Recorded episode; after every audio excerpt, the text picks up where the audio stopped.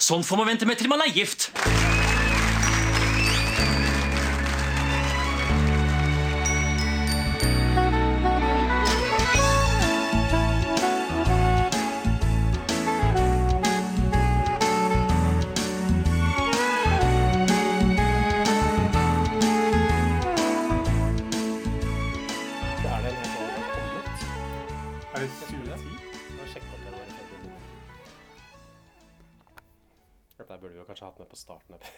Episoden. Hallo, mitt navn er Emil. Jeg sitter her som Hei, velkommen til en ny episode av Norsk film filmpodkast. Podkasten hvor vi ser norsk film med et kritisk, men kjærlig blikk. Mitt navn er Emil. Jeg sitter her som alltid med. Stefan heter jeg, og du, Emil, du leser vel den kulørte ukepresset flittig, du? Ja, det, det er en sånn interessant historie, egentlig. Fordi den, eh, det produktet som eh, denne filmen her handler om, har jeg egentlig et ganske nært forhold til. Oi. Fordi bestemoren min har lest Se og Hør i alle år. Og Se og Hør var også en av de første tingene jeg leste da jeg først skulle begynne å lese, lære meg å lese som sånn fem-seksåring. Så jeg har lært meg å lese da ved å liksom lese om konger og prinser i Monaco og folk som har gått opp og ned i vekt og Moskva-Marit og alt det der. Så jeg har, alltid, jeg har lest mye Se og Hør opp igjennom, og når jeg er hos bestemor nå på besøk, så tar jeg ofte liksom og blar innom Se og Hør og sjekker hva som skjer. Det er jo faktisk et veldig morsomt blad. altså sånn eh, Ja. sett. Leste du den om at Øyvind Blunk eh, har eh, At han tror han overlever kreften? Nei, var det nå nylig, da? Ja, det er nylig nå. Mm, jeg får ta en tur til bestemor finne gamle numre. Hva med deg, Stefan? Er du fan av Se og Hør, eller? Jeg, jeg leser det jo alltid når det ligger strødd på en eller annen hytte eller sånn. Og jeg hadde en sånn periode liksom i tenårene hvor jeg kjøpte Se og Hør. Eller Her og Nå, da, for det var litt billigere, og det var på en enda større eh, nummer. -hmm. Og satt og leste det. Det er, jo, det er jo kjempegøy. Det er veldig morsomt skrevet. Det er morsomt også at du vet jo at eh, nettadressen til Se og Hør er jo seher.no. Fordi det var ikke Ø på Så da ville det blitt seoghor.no. Oi, det går jo ikke an.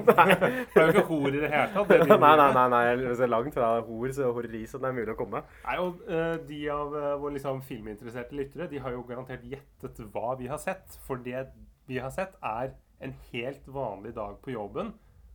Av Terje Ragnes fra 2010. Hei sann, her er Håvard Melnes eh, som ringer fra Folk Flest. Snakker jeg med Norges yngste mor? Snakker jeg med Norges eh, eldste mor?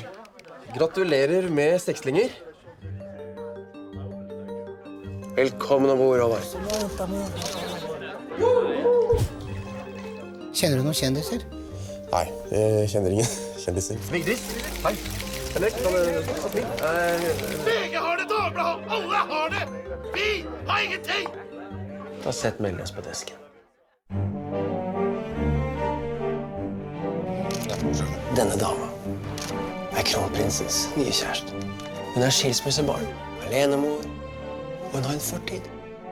Hva vil du? Nei, jeg jobber litt for folk flest. Så, så vi syns det er så spennende med deg og kronprinsen. Eh, Håvard Melnes heter jeg, kommer fra ukebladet Folk flest. Ja vel. Skål. Skål. Lag en hyggelig sak om dattera mi. Gjør du det? Skal jeg gjøre det. Skal være på en konstant fra i dag. Nå står dere utenfor mitt hjem hver dag døgnet rundt. Jeg orker ikke mer. Jenta mi. Ja! Du har nettopp gått opp 200 000 i lønn for å henge ut Svenno og drite ut en alkis. Han veit hva han er med på. Han veit hva slags eh, spill det er.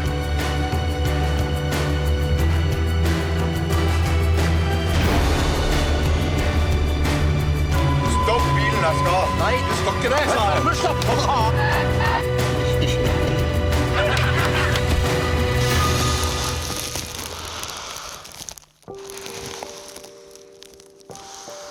Dette er porno, Håvard. Det er bedre enn porno.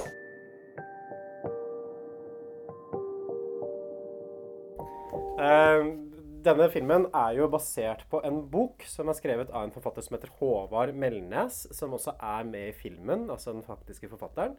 Eh, den boka heter det samme som filmen, En helt vanlig dag på jobben, og det handler om hans erfaringer da han jobba i Se og Hør i en sånn tiårsperiode fra midten av 90-tallet og fram til midten av 2000-tallet, tror jeg. Og det er en sånn ganske morsom fortekst på filmen, fordi det står innledningsvis eh, at i denne filmen portretteres både mennesker og et ukeblad. Vi har forsøkt å gjøre begge deler så gjenkjennelig som mulig, og så kommer punchlinen. Derfor har Se og Hør fått navnet Folk flest. Så det setter liksom tonen da, for hele filmen. At den er jo veldig åpenbart liksom om de tingene den er om. Og selv om det heter Folk flest, så er jo det mer sånn joke, egentlig. For det er jo ingen tvil om at det måte er Se og Hør som er tema for filmen.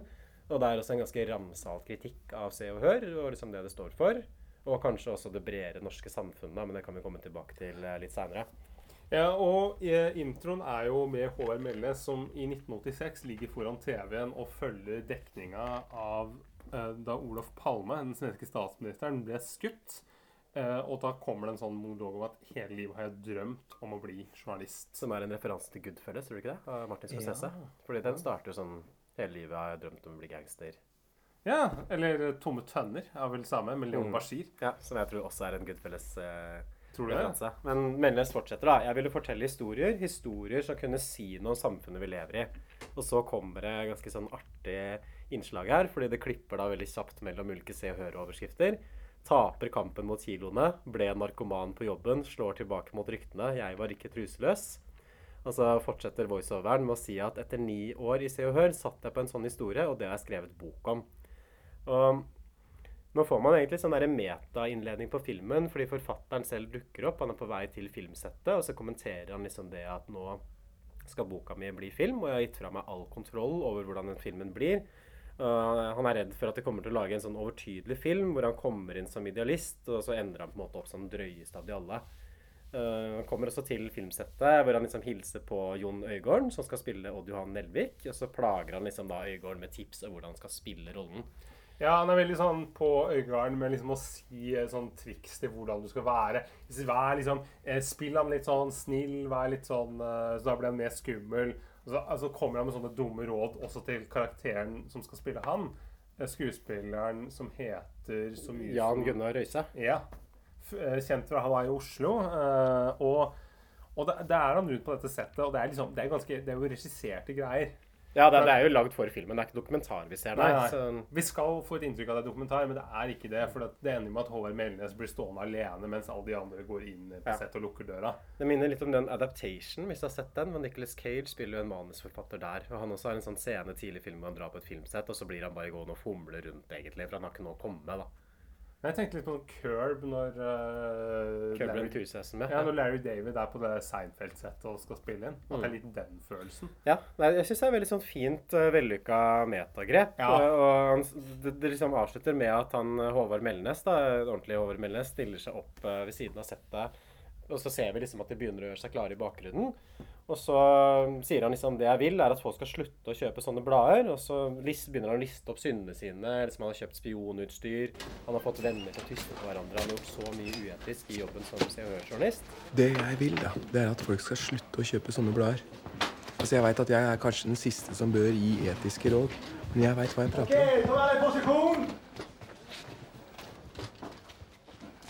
Så jeg har sett telefonlogger, passasjerlister, kredittkortopplysninger, kontoopplysninger, legejournaler. Jeg har kjøpt spionutstyr. Stille! Jeg har fått bestevenner til å tyste på hverandre. Jeg har splitta familier. Jeg har trua folk til å stille opp.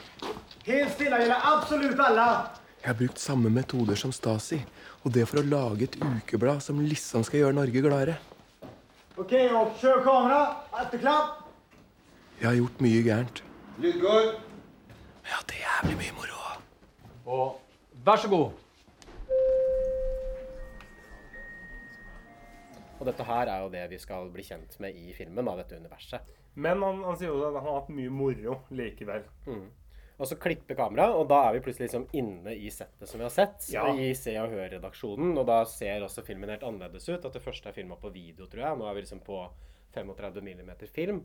Nå ser det liksom mer ut som en vanlig spillefilm, da, men vi har hele tiden med liksom den der metakonteksten i bakhuet. vi ser Og det, det er litt som å komme inn på uh, For dere som har sett serien Mad Men, så er det litt som når de først kommer inn på liksom, eh, kontoret der, at det skjer masse ting. Det er noen som står inne på et rom og tar bilde av liksom, en, dame med, liksom, eh, med hengepupper. Eh, Mm. det er eh, Helge Hammerlof Berg eh, den kjente liksom, kjent fra Reisesjekken og reality-programlederen, han går rundt der og vaser. Det er liksom Det er fullt masse liv. Er masse sånne rare Aktivitet. ting rare ting som foregår. At du skjønner liksom at det er ikke en redaksjon helt som det vanlige. Dette er ikke VG eller Dagbladet, disse seriøse avisene. Dette er faktisk Se og Hør. Og eh, det morsomme her er jo at eh, men, og det, det er jo, Dette er jo starten på det òg, for det er jo veldig mye sånne kjendiser som dukker opp i biroller. Det er jo helt ekstremt mange. Vi kan jo kanskje nevne dem underveis, og kanskje ikke spolere liksom Ja, men en av de som vi ser innledningsvis her, er Nils Ole Oftebro, som spiller en skuespiller som heter så mye som Tom Frimann. Litt sånn avdanka, alkoholisert skuespiller, og som driver og selger saker til Se og Hør, og egentlig livnærer seg på den måten, da, får man inntrykk av. Ja, og En av hans venner er jo en eller annen kjendiskameo. Det er jo Espen Thoresen, som sitter ute på pub. Selvfølgelig. Og Unni Askeland. Ja. Unni Askeland. Det er, det er så bra! De det er så to, gøy! det Espen Thoresen og Unni Askeland, de tror jeg har vært mye på fylla i Oslo. Fy faen, det har vært mye på fylla. Og Nils Ole Oftebro spiller jo Nils Ole Oftebro. Jeg tror det skal være han. Nei, det er vel Fordi at han er jo Fordi i det virkelige livet så har jeg inntrykk av at Nils Ole Oftebro er en liksom streit fyr. Han er jo gift, har barn som er vellykka. Her er han jo veldig sånn på felgen. Enslig, åpenbart. Drikker for mye. Nei, det er jo ikke Nils Ole Oftebro. Jeg tror Nils Ole Oftebro Han er jo Hei, hei, Nils Ole, det var veldig hyggelig. Og vi møttes jo liksom på Kakadu der, og du bare Du spanderte runde på runde. Men, men han er jo eh, Nils Ole er jo Han er måte Han har jo kontroll.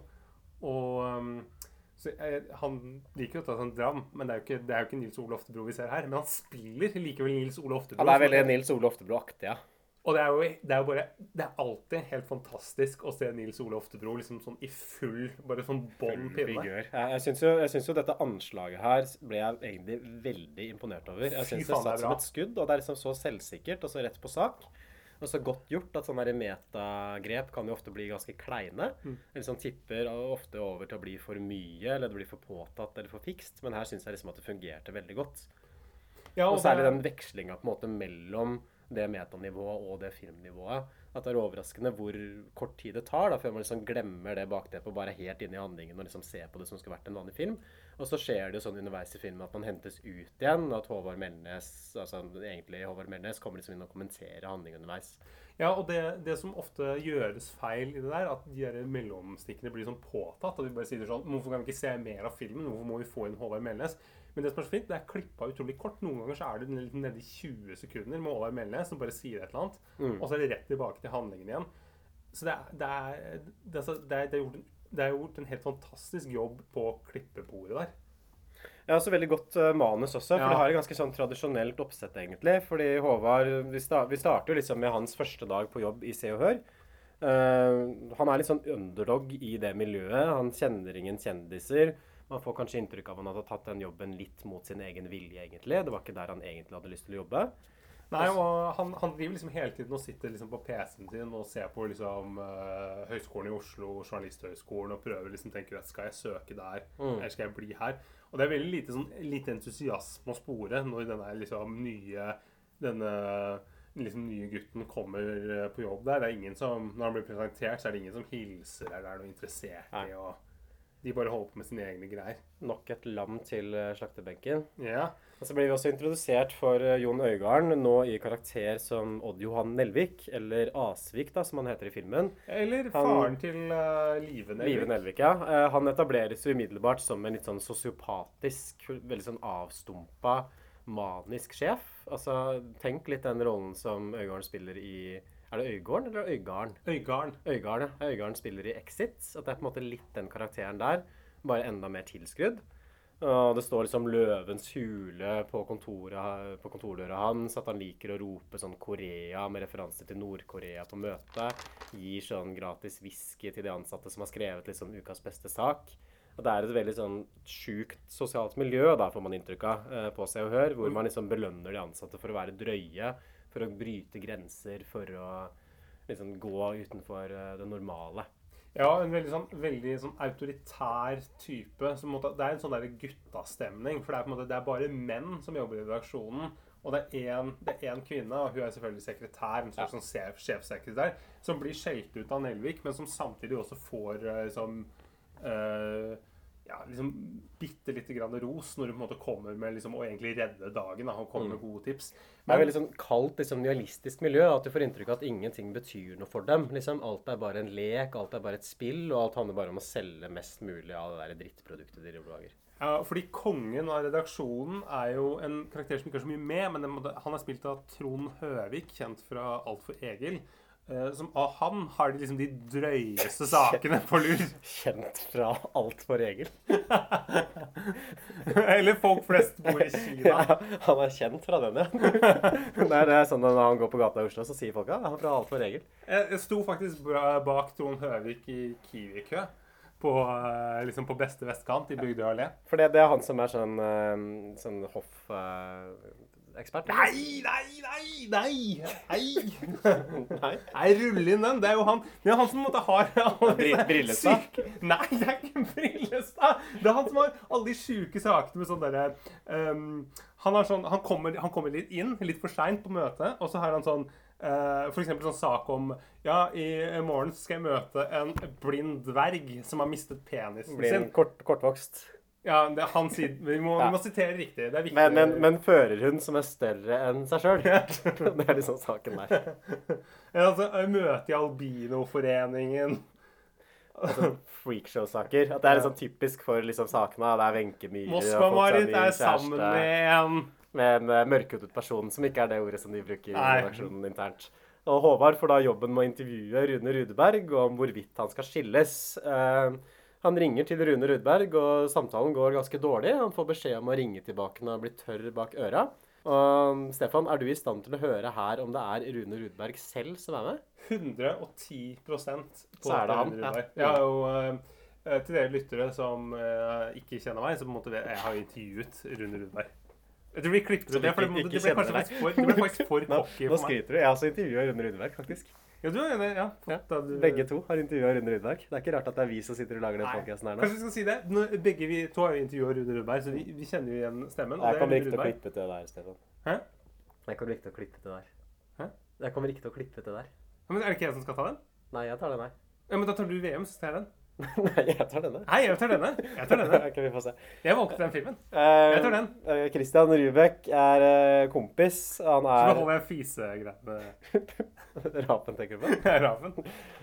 Ok. Um, Stefan, er du i stand til å høre om det er Rune Rudberg personlig som er med? Jeg er 110% på at det er Rune Berg- Rudberg. Og det er jo faktisk en fun fact for dere lyttere. Fordi både jeg og Emil har intervjua Rune Rudberg i sin tid. Det er derfor vi sitter her og lager den podkasten nå. Norges beste filmpodkast. Det krever den type ekspertise. Det krever at man har vært ute en vinternatt før, og det krever at også man har intervjuerfaring med Rune Rudberg. Og Rune Rudberg kommer med et veldig godt svar underveis her. Fordi eh, Rune Rudberg han har jo en sånn tariff som han kjører. Av uavhengig liksom, Vi kan jo bare klippe inn en scene, egentlig, for den er Ja. ganske fin. Ja, Åssen går det om dagen?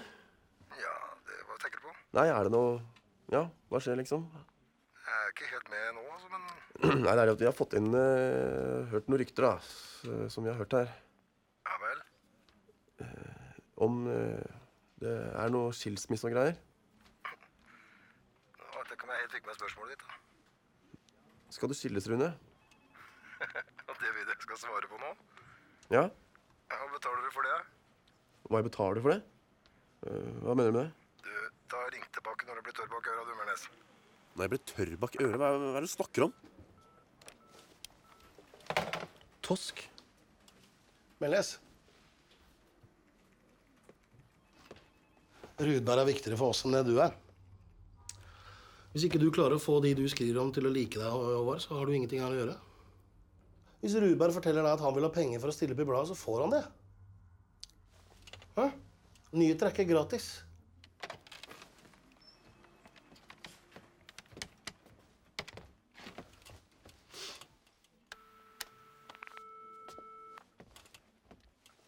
Det er Rune. Hei sann. Eh, det er eh, Håvard Melnes som ringer her igjen. Du, beklager det der for i stad, altså. Eh, jeg er litt fersk her, skjønner du, så det ble litt tullete. Har du fått kjeft av såsen, da? Hva sa han da? Ring tilbake og legg deg flat. Ja, det var vel noe, noe i den duren der, ja. Du, så nå har jeg et forslag her. Du, jeg har vært med en stund, jeg vet du, Melnes, så jeg vet godt hva jeg har vært. Ja, ikke sant? Så derfor så tenker jeg at vi kan gjøre på en Ja, måte Det, det er laga noen tariffer jeg, som gjør det mye enklere for alle parter. Ja vel? Hva, ok, hva er det for noe? Eksempel hvis jeg har vært på fylla, så tar jeg 10 000 kroner.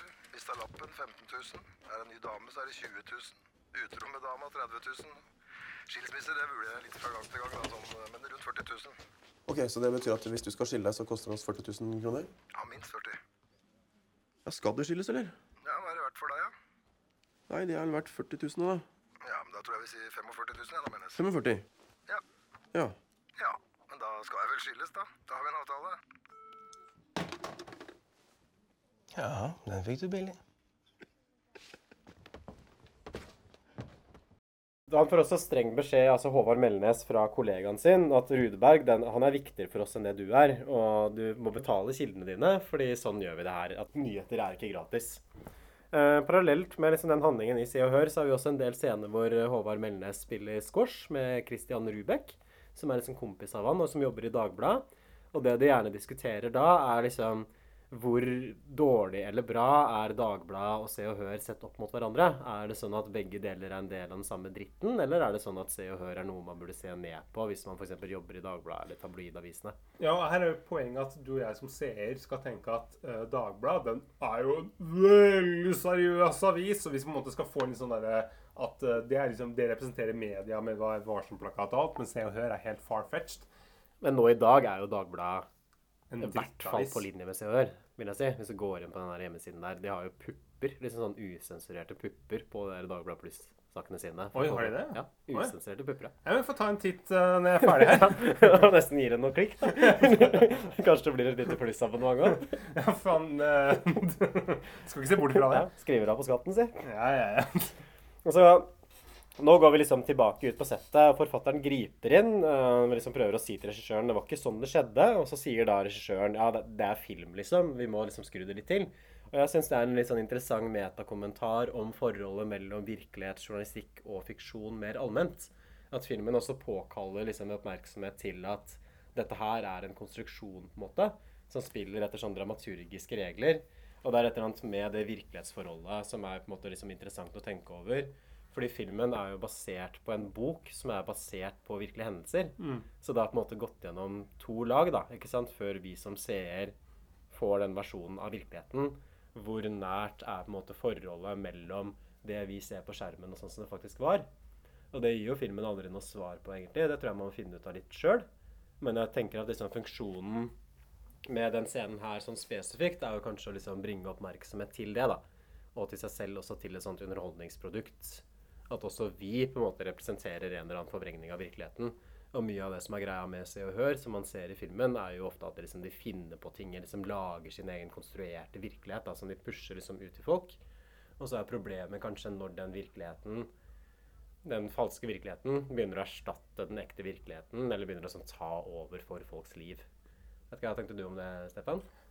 Nei, men det jo, men det er jo veldig tydelig også i den måten man måte, Når man følger arbeidet i redaksjonen på en måte med at uh, at uh, Se og Hør liksom driver og vinkler ting på en måte som, en måte, som, som du, du får noen sånne assosiasjoner underveis. Men på en måte at du sier at uh, uh, Du har f.eks. et intervju med Øyvind Blunk, og så sier er overskriften sånn Jeg kjøpte aldri horer i Latvia. Mm. Og da skal jo vi som seere eller lyttere tenke at Det gjorde han. Ja. Så det er jo en veldig sånn Det også er jo en forvrengning av virkeligheten. Mm. Og så ser man jo også, for det er jo en sånn økonomi her òg, ikke sant? Og det er jo særlig tydelig med denne Nils Åle Oftebro-karakteren Tom Frimann. Mm. For de har jo en sånn scene her, det er den scenen som du nevnte i stad, hvor han sitter med Espen Thoresen blant annet, og så ringer han inn til Se og Hør og skal selge en sak om at han har eh, alkoholproblemer, og så vil han ha 10 000 kroner for den. Og så får han ikke napp. De mener liksom at dette er gammelt nytt. Og så prøver han igjen å si at jeg har selvmordstanker. Og da kan de gi han kanskje 5000-6000.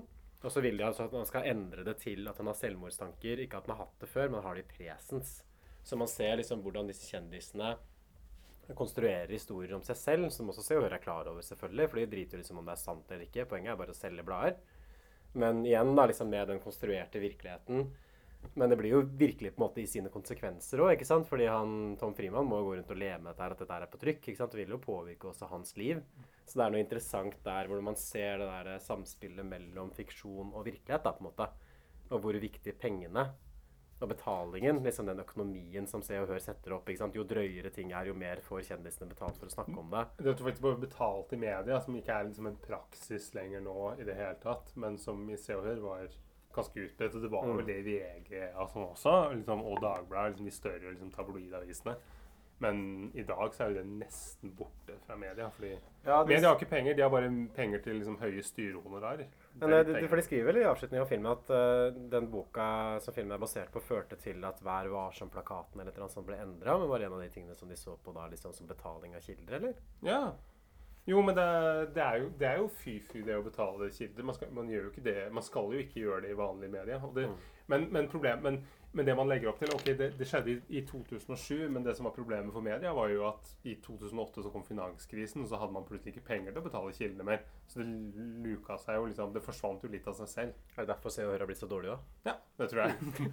Du tror du ikke de betaler Nei, Der betaler de folk. Jeg tror de betaler folk fremdeles. Jeg tenker at Hvis det er ett mediekonsern som har gått ut av finanskrisa med den økonomiske helsa i behold, så må det vel være Se og Hør, eller? Eller aldersgruppen? Ja. Hvis du jeg tenker også hvis du på en måte Hvis du ofrer bryllupet ditt Eller liksom du lar eh, Se og Hør regissere bryllupet ditt, så Mm. burde du i hvert fall få gratis bryllup, tenker jeg. I hvert fall, Vi får en litt sånn der montasjegreie her. Håvard Melnes begynner å bli litt sånn varm i trøya, men han sliter fremdeles med å komme helt inn i jobben. Han prøver å få intervjuer med Jørgen Langhelle og Petter Nome på den røde løperen. Oi, var Jørgen Det- Langhelle der også? Ja, det går ikke så bra. Uh, han ender opp med å bli satt på desken, som det er vel en slags sånn nedgradering. Det visste ikke jeg, Stefan, men du er jo litt mer sånn garva journalist, så du kan jo kanskje fortelle litt mer om desken. Hva er det? Hvordan er det å jobbe på desken sammenligna med Grei ut om det i sånn 10-15 minutter. jeg, jeg, jeg kommer jo aldri til desken, eh, men eh, det er, det er jo fordi jeg er en revolverjournalist. Men altså, de som, det var jo noen som trivdes på desken, men det som er, skjer på desken, er at eh, hvis du som nå sitter og hører på, går inn på liksom f.eks. fedrelandsvennen.no på nett, så ser du liksom denne her store liksom der hvor, eh, hvor alle, liksom, forsiden, og hvor bildene havner, og overskriftene og eh, sånn. Og det er jo da desken som da bestemmer hvilke bilder som skal være på en sak, og hva slags overskrift skal Ja, fordi desken er på en måte de som tar avgjørelsen om hvordan avisa eller bladet skal se ut. ikke Ja. sant? Eller hva, som, hva slags innhold det skal ha. Skal den saken ha to sider, tre sider? Skal den kuttes? Skal den utvides? Skal den på forsida? Skal den ikke? For Før var det mye papir, og nå går du da mest liksom på nett. Så det er, på en måte, det er, det er hvordan du da vinkler en sak. Mm. Og så får vi liksom det som er det store vendepunktet i filmen. Eh, Nelvik inviterer inn på lukka avdeling, som han sier. Og så viser det seg da at eh, det er en dame som eh, hovedpersonen kjenner fra en pub, som har blitt kronprinsens nye kjæreste i Norge. Og det er da selvfølgelig Mette-Marit Tjessem Høiby. Hun er skilsmissebarn. Hun er alenemor. Hun har et titalls ekskjærester som er sånn skapt for Se og Hør. Dette her er en gullmine for bladet. Ja, eh, og denne, denne gruven her, det er eh, det, Der får jo Håvard Melnes en eh, sjanse, fordi han har, liksom, han har, han har møtt henne tilfeldigvis på Ja, Han kjenner henne så vidt, liksom. Og da tar de han av desken, og så er det han som får ansvar for liksom hele den Mette-Marit-dekninga. Ja, og det starter jo litt sånn halvveis. Han, måte, han fly, virker som at det, går over et år eller noe sånt. Han bare flyr rundt, liksom prøver å konfrontere henne utenfor barnehagen. Hun er ikke noe interessert i å prate med han. Så kjører han rundt med en, en litt sånn korpulent fotograf. Paparazzi. eh, Paparazzi-fotograf. Og de, da sitter liksom, de kjører i bilen bak Mette-Marit og kronprins Haakon og driver og tar bilder og sånn. Eh, og det, det er jo ikke Dette her bærer jo ikke frukter. Men han Melnes er jo ikke så dum som du skulle tro. Fordi han tenker at hvordan skal jeg komme til Tjessem Høiby? Jo, jeg tar jo kontakt med faren hennes. Sven Ja, men det var vel ikke planen det fra starten av? var det ikke det? Han dro ned til Kristiansand for å snakke med folk som kjenner henne, og så kommer han liksom inn på Svenno litt sånn underveis? Ja, jeg tenkte at han hadde en slags plan. Jeg. Hei. Unnskyld. Unnskyld, eh, jeg leter etter Sven Høiby. Kjenner du han? Ja, han kjenner jeg godt. Ja. Vet du hvor jeg kan finne han? Ja, han står her. Det er meg. OK. Uh, hei sann. Hei. Eh, Håvard Melnes heter jeg. Kommer fra ukebladet Folk flest. Ja vel. Hva vil folk flest med meg? Nei, du er eh, faren til kronprins Haakon sin nye kjæreste, ikke? Ja, det stemmer. Ja, nei, så, ja. Tenkte kanskje vi kunne slå av en prat og kanskje ta en kopp kaffe? Nei, jeg tror ikke det. Men vi kan møtes og ta en pils om noen timer. Og hvor bor du? Kaledonien. Baren der. Klokka fem. Nei, men eh, hva tenker du om at uh, dattera di var sammen med Norges kronprins? Det er- må føles litt spesielt. Ja, det er selvfølgelig litt spesielt. eh. Men de unge må jo få lov å gå sine egne veier. Ja. Ikke sant? Så er jo Du, da? Hvilket inntrykk har du av henne? Av Mette-Marit? Ja. Det er uh, veldig positivt. Uh, det lille vi veit, tyder jo på at forholdet mellom dem er seriøst. Så ja. Ellers så ville ikke jeg vært der nå. Har du barn? Jeg? Ja. Nei. Det har jeg ikke. Og hva har du så gjort i livet, da? hva? Ja, Hva skal jeg si? Vært litt rundt omkring og gjort litt forskjellig. Prøvd meg litt. Litt av hvert. Vært litt her og der. Visste du at jeg jobba som journalist allerede før du var født? Altså, du gikk på journalisthøgskolen, altså? Ja, ja, men du. Flytta tilbake hit og jobba under elendige Jeg var en av landets beste mellomdistanseløpere. Visst pokker var jeg det. Hæ? Hadde Audun Boysen som trener. Audun Boysen, altså? Ja, men det er Det er noen øvelse, ja.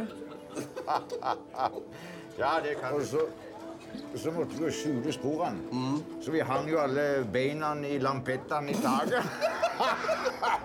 ja, du vet den foregående hvor er vi? var? Danskebåten. Ja. Ja, hvor var vi? New York. New York Marathon. Har du løpt New York Marathon? 3.55,16. Du er en faens fin gutt, eh, Håvard. Det skal du vite. Jeg liker, liker stilen din. Ja, for du har liksom stil. Skål. Skål, da. I Kristiansand så blir vi jo introdusert for det som er filmens andre hovedperson, nemlig Sven O. Høiby, eh, som er spilt av Ingar Helge Gimle i det som må være hans livs rolle, tenker jeg, og også kanskje en av norgeshistoriens beste skuespillerprestasjoner på film. Det er helt eh, det, er, det er bare helt fantastisk. Jeg skal ikke begynne å beskrive det for mye. Den er, bare- den er utrolig god. Liksom at det Ja. Vi kan, altså, vi kan bare ta sånn helt sånn basic som på en måte bare hvordan, hvordan han ter seg, altså kroppsspråket. Han greier å få til denne eh, Ingar Helge Gimle har litt mer sånn slapp holdning til vanlig. på en måte en helt vanlig, sånn, Han går på en vanlig måte, men han får til den der litt sånn stive, litt sånn derre Nesten sånn eh, liksom, Jeg har problemer med skuldrene-holdningen, som CNO Høiby faktisk hadde. Og på en måte, og det her litt sånn tynne, sånn, liksom, eh, krokete, liksom, som, Mm. som han hadde. Og det, altså det, det er bare det er helt utrolig. Du, du tror ikke at det er Ingar Helge Gimle som spiller den rollen der. Ja, for det er interessant, fordi han er jo ikke så veldig lik Svenno sånn i utgangspunktet, Nei, nei, nei. verken i ansiktet eller kroppen, men han, han, jeg, jeg, jeg, jeg kjøper det 100% og det er liksom et tidspunkt i filmen også hvor man ser noen bilder av virkelig Svenne Svenno Høiby, og det synes jeg nesten var litt sånn der eh, ekkelt egentlig, at jeg skvatt litt, fordi nå hadde jeg blitt så vant til å på en måte se Svenno Høiby i Ingar Helges Gimles skikkelse, og så ser man liksom ekte Svenno, og så dette her er ikke riktig, ikke sant? Svenno ser jo ikke sånn ut. Ja, for Svenno sånn- er jo Helge, Ingar. Helge Gimle. At han, han, han klarer liksom å tilføre den rollen så utrolig mye. fordi det er jo en veldig morsom karakter, men også en dypt tragisk karakter. Mm. Og det men også en sympatisk rolletolkning. At Svenno blir jo ikke framstilt som en klovn eller som et slemt menneske. Han blir jo framstilt som en som en raring. ikke sant? Et eller annet utskudd som ikke passer helt inn i samfunnet. Som prøver å leve på sin måte. Han er ikke noe offer, egentlig, men han er ikke noe helt heller. Men det er bare sånn veldig sånn komplisert rolletolkning av et komplisert menneske. Ja, ja, for det, er du får ikke, det er ikke noe sånn at du tenker at uh, Svenno er en gjennomført, sympatisk type. eller noe sånt. Men det er bare at han har, han har noen sånne trekk og sympati, og så er det det her liksom, med at han samtidig er veldig, veldig avhengig av liksom, Se og Hør. For at han vil jo Mm. Han vil jo tross alt få penger. Fordi liksom Forholdet mellom Svenno og Håvard det utgjør jo på en måte nerven i resten av filmen. Uh, Svenno er jo en litt sånn fallert skikkelse, har man inntrykk av. Han har jobba som journalist. Han har liksom hatt et rikt liv bak seg, mellomdistanseløper. Og nå har han endt opp som en sånn lokal fyllik i Kristiansand med denne dattera som plutselig gifter seg med kronprinsen helt ut av det blå. En datter som man får inntrykk av at han ikke har så veldig nær kontakt med, egentlig, da, filmen, eller da vi først møter han i filmen. Nei, eh, og det er, jo, det er jo det det også på en måte insinueres litt, at eh, det her forholdet med Se og Hør, at det er litt grann også på en måte en måte for han å kanskje på en måte få litt At han på en måte prøver å få litt tilbake. Han prøver å nærme seg henne på et eller annet vis, og, og det blir en sånn erstatning også. Fordi det, det som skjer, da, er at Håvard og Svenno drar ut for å drikke pils, og så drikker de ganske mye sammen, og så slutter liksom kvelden med at Svenno gir han en bærepose med barndomsfotografier. Og vil ikke ha betalt for det. Han vil bare at uh, dattera hans skal få en fair behandling i Se og Hør. Ja, At du skal fremstilles på en positiv måte. Og tilbake i Se og Hør-kontorene så får redaksjonen umiddelbart blod på tann. Dette er en gullgruve, og denne kilden her skal smøres. Det er bra at han drikker, det er bra at han er et trist menneske. Her er det et menneske vi kan utnytte. Uh, fra den dagen så sa liksom Håvard eh, Kommer liksom inn, da, ikke sant, han virkelige Håvard, og sier at han ikke sa mer enn han måtte til Nelvik. Han mener at Sven så liksom litt av seg selv i, i ham. Og de ble gode venner fordi de på en måte var litt den samme typen begge to. Og fordi de liksom fant en eller annen form for gjenkjennelse da, i hverandre. Ja, og de likte hverandre, rett og slett. Og eh, Håvard eh, eh, Melnes, han har jo en sånn eh, han, er måte, han er både journalist, venn og medierådgiver for Sven. Så han blir jo Og sånn- lommebok, ikke Lommebok, sant? Ikke ikke minst, som finansierer livsstilen hans, og også arkivar. At han sier at han fikk kopi alle brevene som Sven sendte til datteren sin, endte opp hos han også.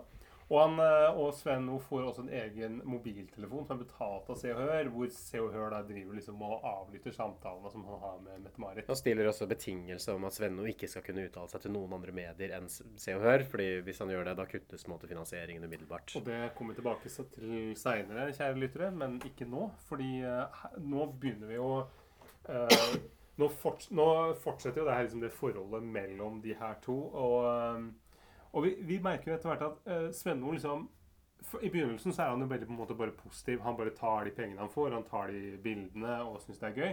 Men så ser du ved et punkt at uh, nå har han lite penger. Han begynner å legge til seg liksom en sånn livsstil hvor han måte drikker veldig mye CB.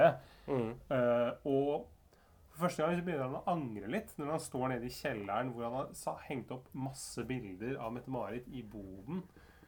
Eh, som han da viser til Melnes fordi at Han trenger penger, ja. Og du Det- ser at, at, at han begynner å skjønne at dette her det er kanskje noe jeg måtte gått det, er Det, det man får en sånn tristesse i ansiktet, og det som skjer, er jo selvfølgelig at uh, liksom Svennos forhold til Se og Hør skaper konflikt mellom han og Mette-Marit, da, datteren.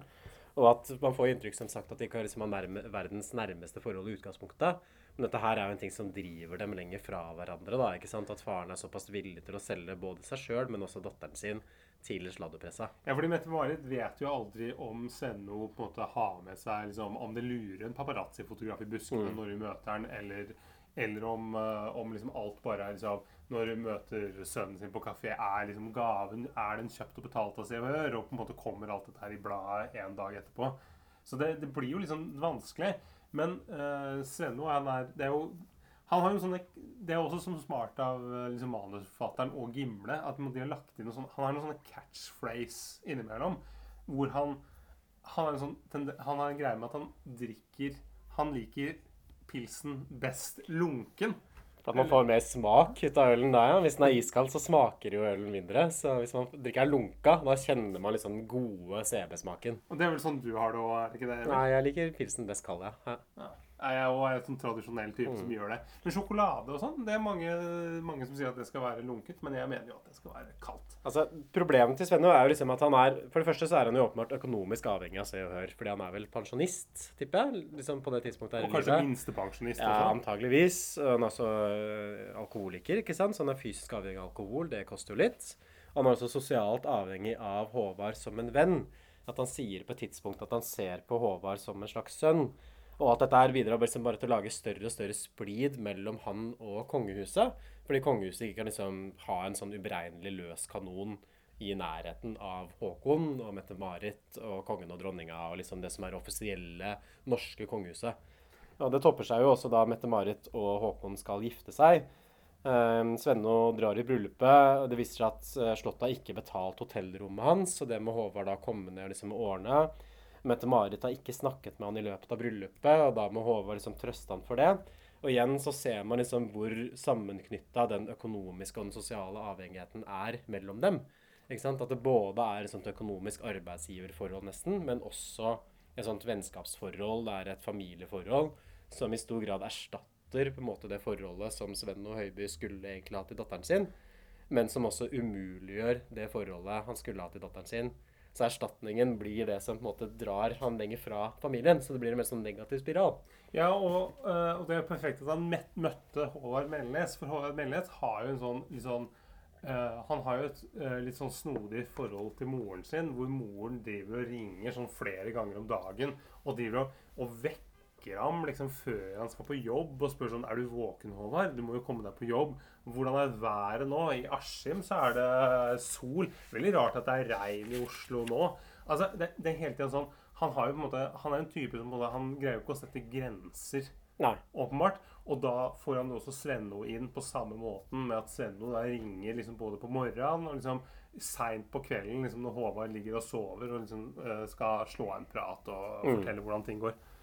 Også, Håvard Melnes, eh, altså en ekte Håvard Melnes, kommer her inn, og så sitter han med det første intervjuet som du gjorde med Svenno, der det Svenno-bildet dukker opp som jeg snakka om tidligere i episoden. eh, hvor overskriften jeg er, 'Jeg er ikke alkoholiker', snakker ut om rykteflommen.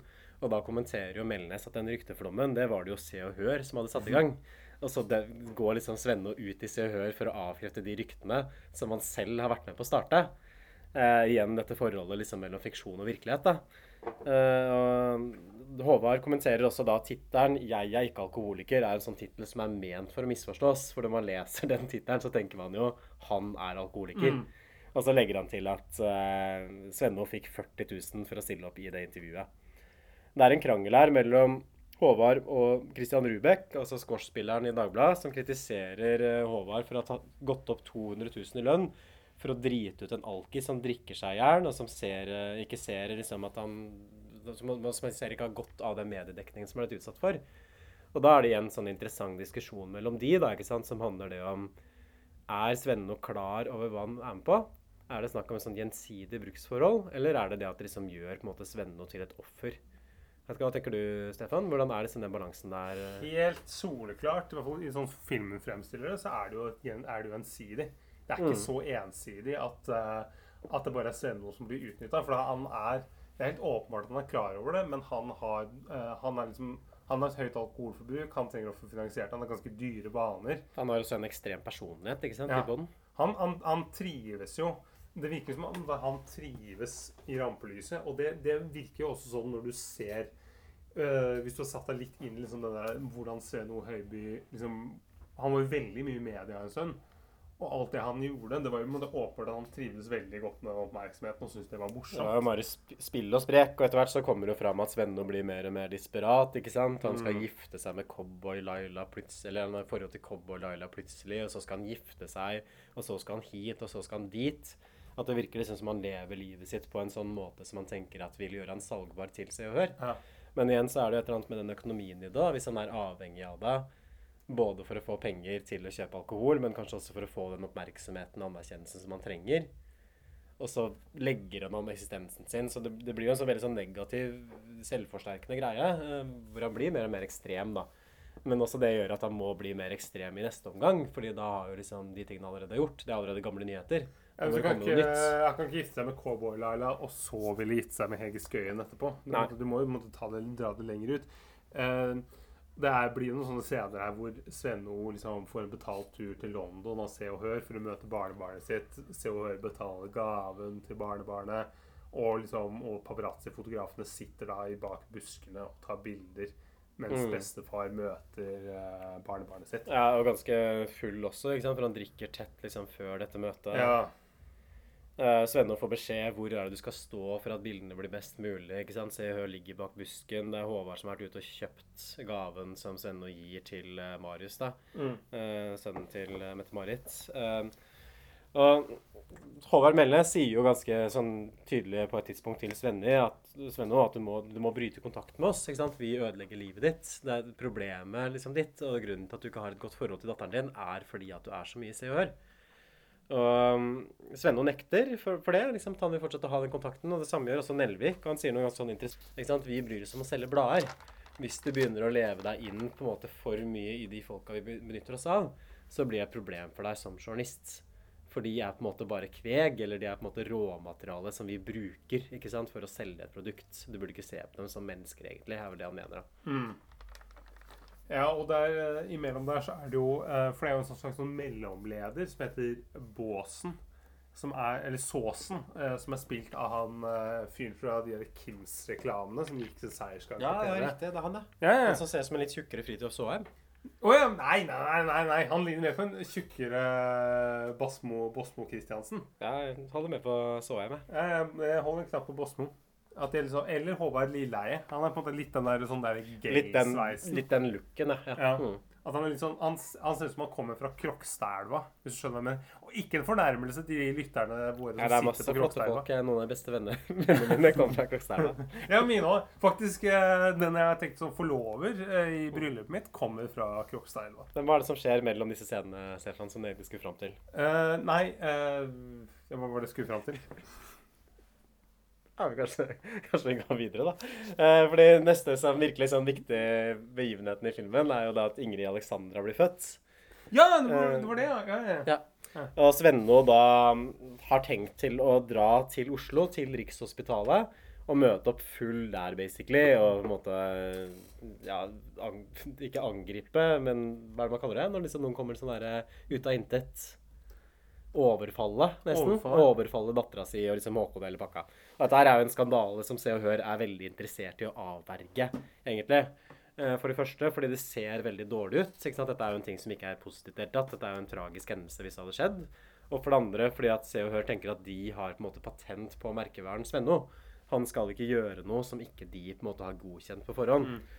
Og Se og Hør blir da nødt til å ta kontakt med Espen Høiby, altså Mette-Marits bror, som er eh, pilot, og som får til å smugle da Svenno ut av flyplassen eh, fra Oslo lufthavn, og levere han da til Håvard, som får den veldig vanskelige oppgaven med å prøve å holde Svenno fra å dra på Rikshospitalet.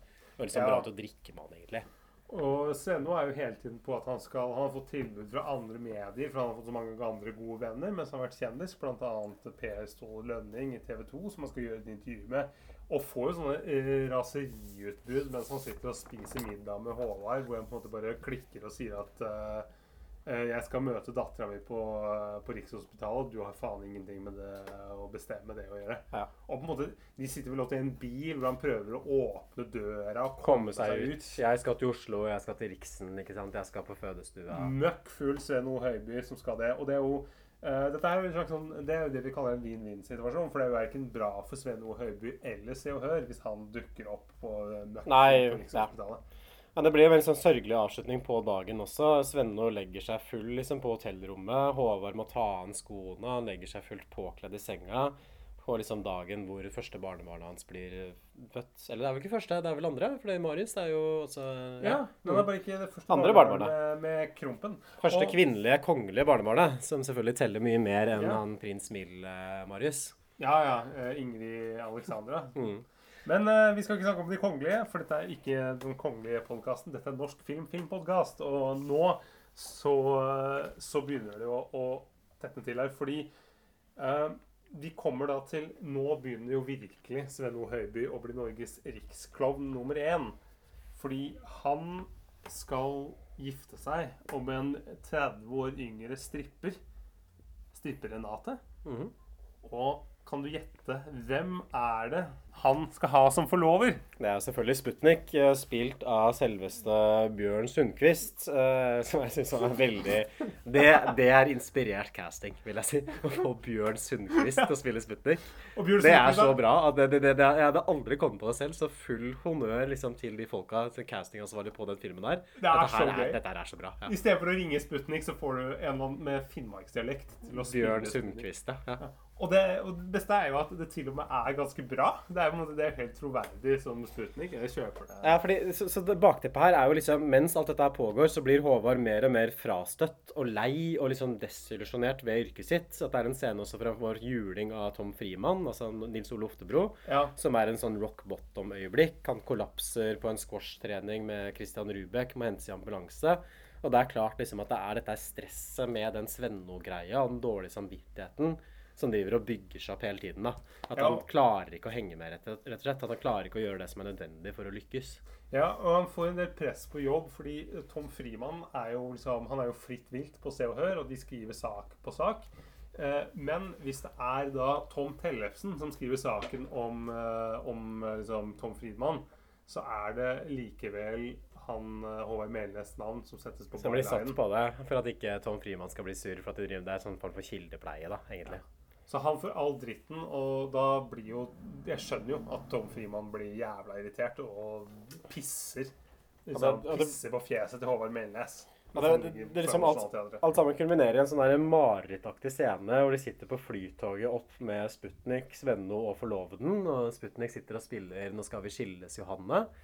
Og det er liksom den norske sånn skikkelig sånn trash-kulturen. Sånn alkoholisert danseband, bygdefestkultur. Som man liksom finner på Dovrestua pub liksom i Oslo. Det er den man ser, da. ikke sant? Det er den liksom man sitter fanga i. Og det blir også framstilt på en ganske sånn filmatisk sterk måte, syns jeg. Som bare klarer å vise liksom hvor jævlig den kulturen kan være, da. Liksom i sin alkoholiserte, fordrukne prakt.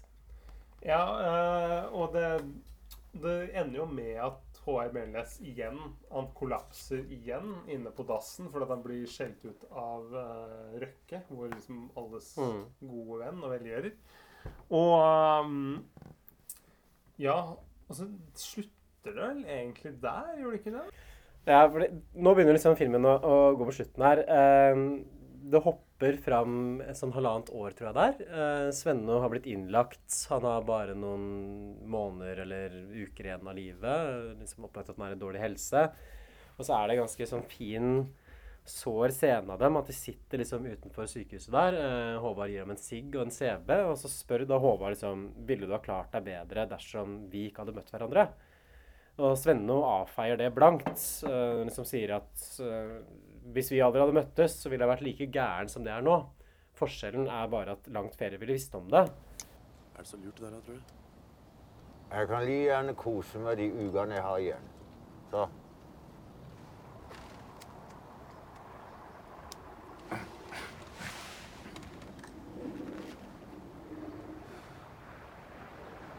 Sputnik. Ja, slå på tråden. En gang om dagen. Og fortelle meg en vits. Han er en underlig skrue, men du verden for en fin fyr. Sitter du og tenker på noe?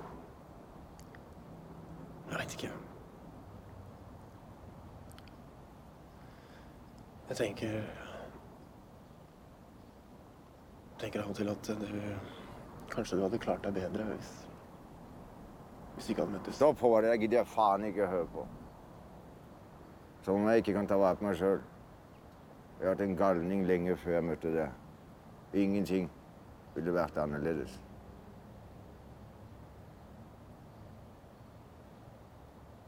Men jeg synes kanskje at de kunne tatt litt bedre vare på meg. Hvem da? Slottet.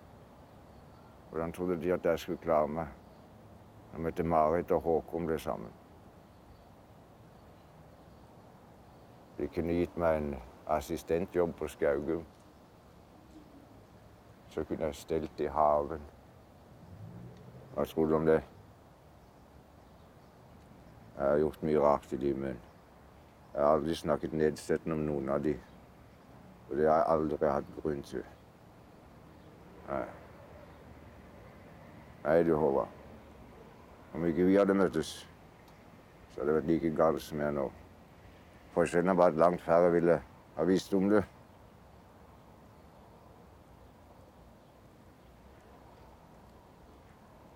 Tok du med den pilsen jeg ba deg om? Og så kritiserer han da på en måte Slottet for å, han mener at de burde tatt bedre, bedre vare på ham enn det de gjorde. Kanskje gi ham en eller annen sånn jobb eh, som han kunne holde på med. En gartnerassistent på Skaugum er vel lov å Mm. For det jeg syns liksom er så interessant her i, i avslutningsscenen i filmen, hvis jeg, hvis jeg kan liksom analysere litt, da, er at jeg føler at filmen er jo på en måte en sånn tydelig kritikk av Se og Hør, ikke sant? Eh, og liksom viser tydelig liksom hvordan Se og Hør egentlig utnytter seg av de folka som stiller opp i bladet, hvordan det ødelegger livene til mange av de kjendisene som er med, og kanskje spesielt i Svennås i tilfelle, at det er en negativ påvirkning på hans liv. da. Men jeg føler jo på en måte at den kritikken av Se og Hør utvides måte til å bli en kritikk av den norske kulturen i stort. Fordi Norge har en litt sånn interessant kultur, føler jeg. Fordi på den ene siden så har du den mainstream-kulturen, som er liksom det som er på TV 2, og som er på NRK, og som er på en måte er liksom den anerkjente norske kulturen. Og så har du også en subkultur som liksom Se og Hør, Sputnik, Svenne og Høiby, danseband, country, campingliv som det representerer. Og det som er tingen i Norge, er at den subkulturen er så ekstremt stor. At jeg leste liksom at Grunnen til at de kunne ha VG-lista på den måten de hadde, liksom at ikke Ole Ivars og Heidi Hauge toppa listene hver eneste uke, var at man ikke regner de scenene som blir solgt på bensinstasjoner. Hvis man hadde gjort det, så ville det bare vært danseband på topp 20-lista i VG. Ja, og Det er derfor de dansebandene også er veldig sure. Fordi at de ikke blir, liksom, blir så lite inkludert og helt neglisjert at de, de kan vinne én pris. Ja, men det, er, men det er klart det, ikke sant? For det er den mest populære musikken i Norge. Mm. Men likevel så skal ikke det være med på bestselgerlista. Fordi man ikke mener at den kulturen er god nok. basically, ikke sant? Det er kun derfor man har gjort det. og Det er derfor man har den regelen. Det er helt overbevist om. Og det som er liksom med den norske subkulturen, den der harrykulturen, at den er veldig veldig stor, kanskje større på en måte enn den aksepterte kulturen. Og så er den så utrolig lite anerkjent, da. Og den er liksom et sånn, Folk som liksom, sånn som oss da, på en måte kan, se på den sånn ironisk distanse, at vi liker den egentlig litt, men vi liksom ender alltid opp med å rakke ned på den, på en måte. Og Ja, det er litt som at uh, Sputnik er den i Norge som har solgt flest kassetter. Ja, ikke sant? Så, så, så jeg føler liksom at filmen blir på en måte en slags sånn kritikk av det norske synet på lavkultur. da. Ikke sant? I Norge så tenker vi liksom at vi er så utrolig folkelige, joviale. ikke sant? Her er det på en måte et sånt likhetsland. Men likevel så har vi liksom denne trash-kulturen som Svenne på en måte representerer, som ingen egentlig vil vedkjenne seg. Og det gjelder også liksom for det folkelige slottet. Og Slottet liksom har alltid prøvd liksom å framstille seg Her er liksom det norske kongehuset. Vi er møter opp når det er flom i 13 ja. og Olav tar trikken, og vi er sånn som deg og meg, sånn vanlige personer i gata. Men likevel så tok du umiddelbart avstand liksom fra Svenno Høiby og liksom det han representerte. Og Svenno blir på en måte en sånn martyr for den der forakten for lavkulturen, for massekulturen, som egentlig preger det der selvgode og liksom-joviale norske samfunnet. Mm. Jeg føler at filmen blir mye mer interessant hvis man leser det som en analyse av det, istedenfor å bare være en analyse av Se og Hør. Selv om jeg tror kanskje at filmen først og fremst er tenkt som en sånn Se og Hør-kritikk. Men den kan også, den har mye mer i seg, da. Spesielt liksom i den derre norske selvgodheten, norske arrogansen, som kanskje kritiserer. Ja, eh, og det er jo en ting. Også en annen ting er jo også det at det er jo en sånn Filmen også framstår som en sånn Altså, det, det er jo en sånn et Det er jo litt sånn som Uno, at uh, det prøver å renvaske hovedpersonen. Det er vin i bunn. Vær så god. Jeg trodde det var tomme. prøver å renvaske hovedpersonen, ja. det, ja, det prøver å mm, Det prøver å renvaske hovedpersonen. For at ved å liksom skrive denne her liksom boka, så får på en måte Håvard Melnes en slags sånn at eh, Ja, jeg, jeg innså til slutt, etter å ha jobbet i Se og Hør, at på en måte jeg, det, jeg ble på en måte det, dette, var ikke, dette var i pakt med min personlighet. Det var dumt jeg gjorde. Men fyren jobba der i ti år. Han ga ut en bok om Mette-Marit i 2001 som ble solgt, liksom, som til og med ble oversatt til tysk. Og på en måte, så på en måte, Hvis han på en måte hadde vært så, liksom, så jævla kritisk til dette her, så hadde han vel sluttet liksom, tidlig på 2000-tallet. Ja, han, han er jo på en måte tidenes kyniker her. ikke Ja, sant? For. Først så blir han rik av liksom jobbe for Se og Hør, og så blir han rik og kjent av å skrive en bok hvor han kritiserer den samme jobben som det han gjorde. Så hvis det er noen som har tjent på dette her, og så nå liksom med den filmen, så jeg syns ikke han framstår noe moralsk bedre enn det Nelvik eller de andre Se og Hør-journalistene gjør. Nei, og likevel, og likevel så er det sånn i begynnelsen hvordan hvor han på en måte sier det at, eh, at nei, jeg, det, målet mitt med dette her er at folk ikke skal kjøpe sånne blader. Men tror, du liksom, men tror du ikke filmen også har det litt i seg? Sånn, tenk liksom på den der metastarten, for da framstår han som veldig idiot hvis man kommer på settet. Da framstår han som en uvesentlig person på en måte i sin egen historie, i hvert fall i historien som filmen forteller. Så jeg tror liksom at det er rom liksom i filmen også for å ha et litt mer kritisk blikk på Håvard Melnes. Det trenger ikke å være nødvendigvis at han er en helt. ikke sant? Han er liksom den som endelig turte å ta et oppgjør med dette her. Og man kan også se på en måte han som et produkt av det samme underholdningsmaskineriet som Se og Hør er en del av. Jo, men, men samtidig så er det den der slutten hvor eh, Håvard Melnes jogger forbi liksom, eh, rådhuset i Oslo, og på en måte kommer en sånn der at uh, uh, Hvor moren da spør om Er du våken, Håvard? Han Ja, nå. Nå er jeg våken. Det er nok det jeg likte minst ved filmen, tror jeg. Faen, den den avslutningen der, ja, den, den, den burde de bare kutta. Den uh, Og det er også for å renvaske Melnes som på en måte sånn der, Ja, nå er jeg endelig Nå er jeg på en måte våkna. Nå Ja, så det- ti år i Se og Hør at dette var ikke så smart. Så kommer det vel også en sånn tekstplakat som sier det at ja, etter at den der vanlige Vanlig dag på jobben-boka kom ut, så gjorde de om på Vær varsom-plakaten eller presselovgivninga eller et eller annet sånt. Så ja, se så høy, stor effekt, ikke sant? Som, at, som, Se at, som, som om Se og Hør. Som om Se og Hør ikke finnes i dag, og som om ikke pressen har blitt mye, mye mer sånn kjendisfokusert siden 2006. Er Eller når den boka før var det bare- bare Se og Hør som drev med det, nå er det er alle, ja. Mm.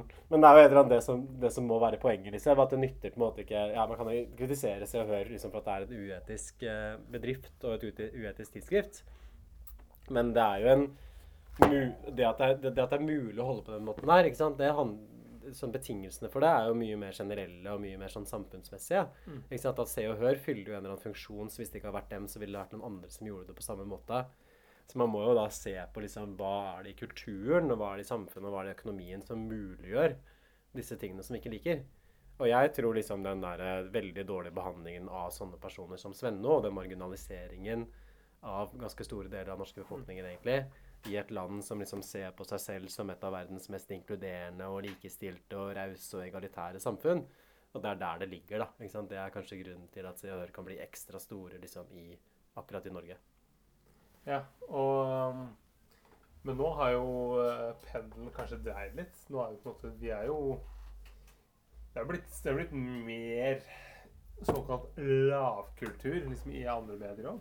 Jeg tror kanskje det. Eh, Så, den der selvmotsigelsen drives ennå. Men eh, jeg tror nok det er den samme dynamikken som spiller inn. Men det er, det kanskje det som er så kult med den filmen her også. For jeg føler at Svenno er så genialt liksom, kulturelt fenomen for å løfte fram det mer sånn generelle tendensen i det norske samfunnet. Svenno Høiby er på en måte et sånt fenomen som bare kunne skjedd én gang. da. At en sånn person plutselig blir svigerfar for kronprinsen. Det skjer ikke mange ganger i menneskets historie. Og da er det så bra også. Jeg synes også det, det er så fint liksom med filmen og hvordan den er så, såpass konsentrert rundt det Svenno-forholdet at det egentlig er en film som handler om han. At han er på en måte hovedpersonen i filmen, sånn som jeg ser det. Ja, for det kunne du like godt hett. Svenno istedenfor Ja. en helt vanlig dag på jobben. Mm. Det kunne bare hett uh, Svenno. Og, det, og det, er jo, det er jo utrolig flott at de har fått liksom, Ingar Helge Gimle til gestalt han, fordi at det her er jo han, han eh, Det er jo flere scener innimellom, bl.a. når han er nede i boden der og på en måte skal grave fram de der bildene av Mette-Marit, som er ganske sånn rørende. Jeg begynner jo nesten å grine når jeg ser det. Ja, igjen, det er umulig å underdrive eller overdrive hvor god den skuespillerprestasjonen er. Altså, sånn, glem Max Manus, uh, Aksel Hennie, eller glem Elling, Per Christian Ellefsen. Det her, det er Norske skuespillere, se og lær. Ingen, ingen norske skuespillere som har levert så sterkt i en norsk film noen gang. Nei, det tror jeg nesten eh, Hvis jeg skulle satt opp en topp fem-liste, så er jeg ganske sikker på at denne rolleprestasjonen ville vært der oppe. altså. Ja, og det, ja, og det, det er nettopp Det er liksom nettopp at Ingar Helge Gimle gjør det. Som du, som, eh, som, han er en jævla god skuespiller. Men du had, mange hadde liksom sikkert ikke forventa at, liksom, at det kom til å være Men det er faktisk det er noe av det beste som noen gang er gjort Ja. på norsk film. Og det er, det er uten tvil en gang. Og det er ingenting uh, Og det er heller ikke sånn som du er vant til å se Helge Gimle på film. Og det er nettopp derfor det er så, på en måte, så fascinerende. Han er jo altså, Det er jo internasjonalt format. Jeg tror det er, det, er, det er nok den beste skuespillerprestasjonen jeg har sett så langt i podkasten. Jeg, Ja. jeg, jeg sliter med å komme på noe som kan være bedre enn det. Hva med Rolf Wesenlund som Bør Børson? Ja, den, den også, selvfølgelig. Ja, den trønderdialekten er fantastisk.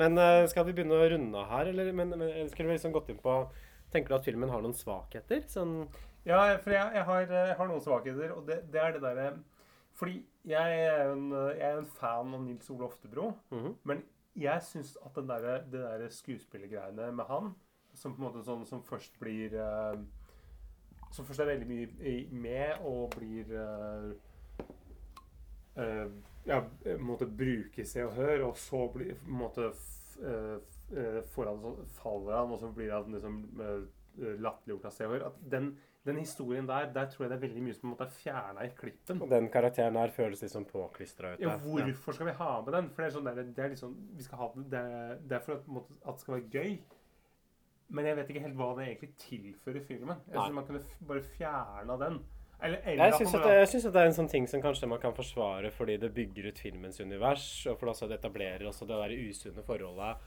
Dan Tom Frimann er jo en slags sånn mer etablert Svenne, på en måte. At det etablerer liksom hvordan det usunne forholdet mellom kilder og eh, bladet opererer. Og det gjør at det blir lettere å gjenkjenne det når Svenno sin karakterark begynner, kanskje? Jo, men, men jeg, jeg tenker at hvis man Problemet er at fortsatt at han Tom Frimann da er for lite med. At Mm. det blir um, Det er nesten sånn at du ikke skjønner hvorfor Tom Frimann banker opp han Håvard Melnes mot slutten her. For at han er så lite det er liksom, vi, ser han, vi ser han i begynnelsen der hvor han sitter med vennene sine på puben og later som han skal ha selvmordstanker.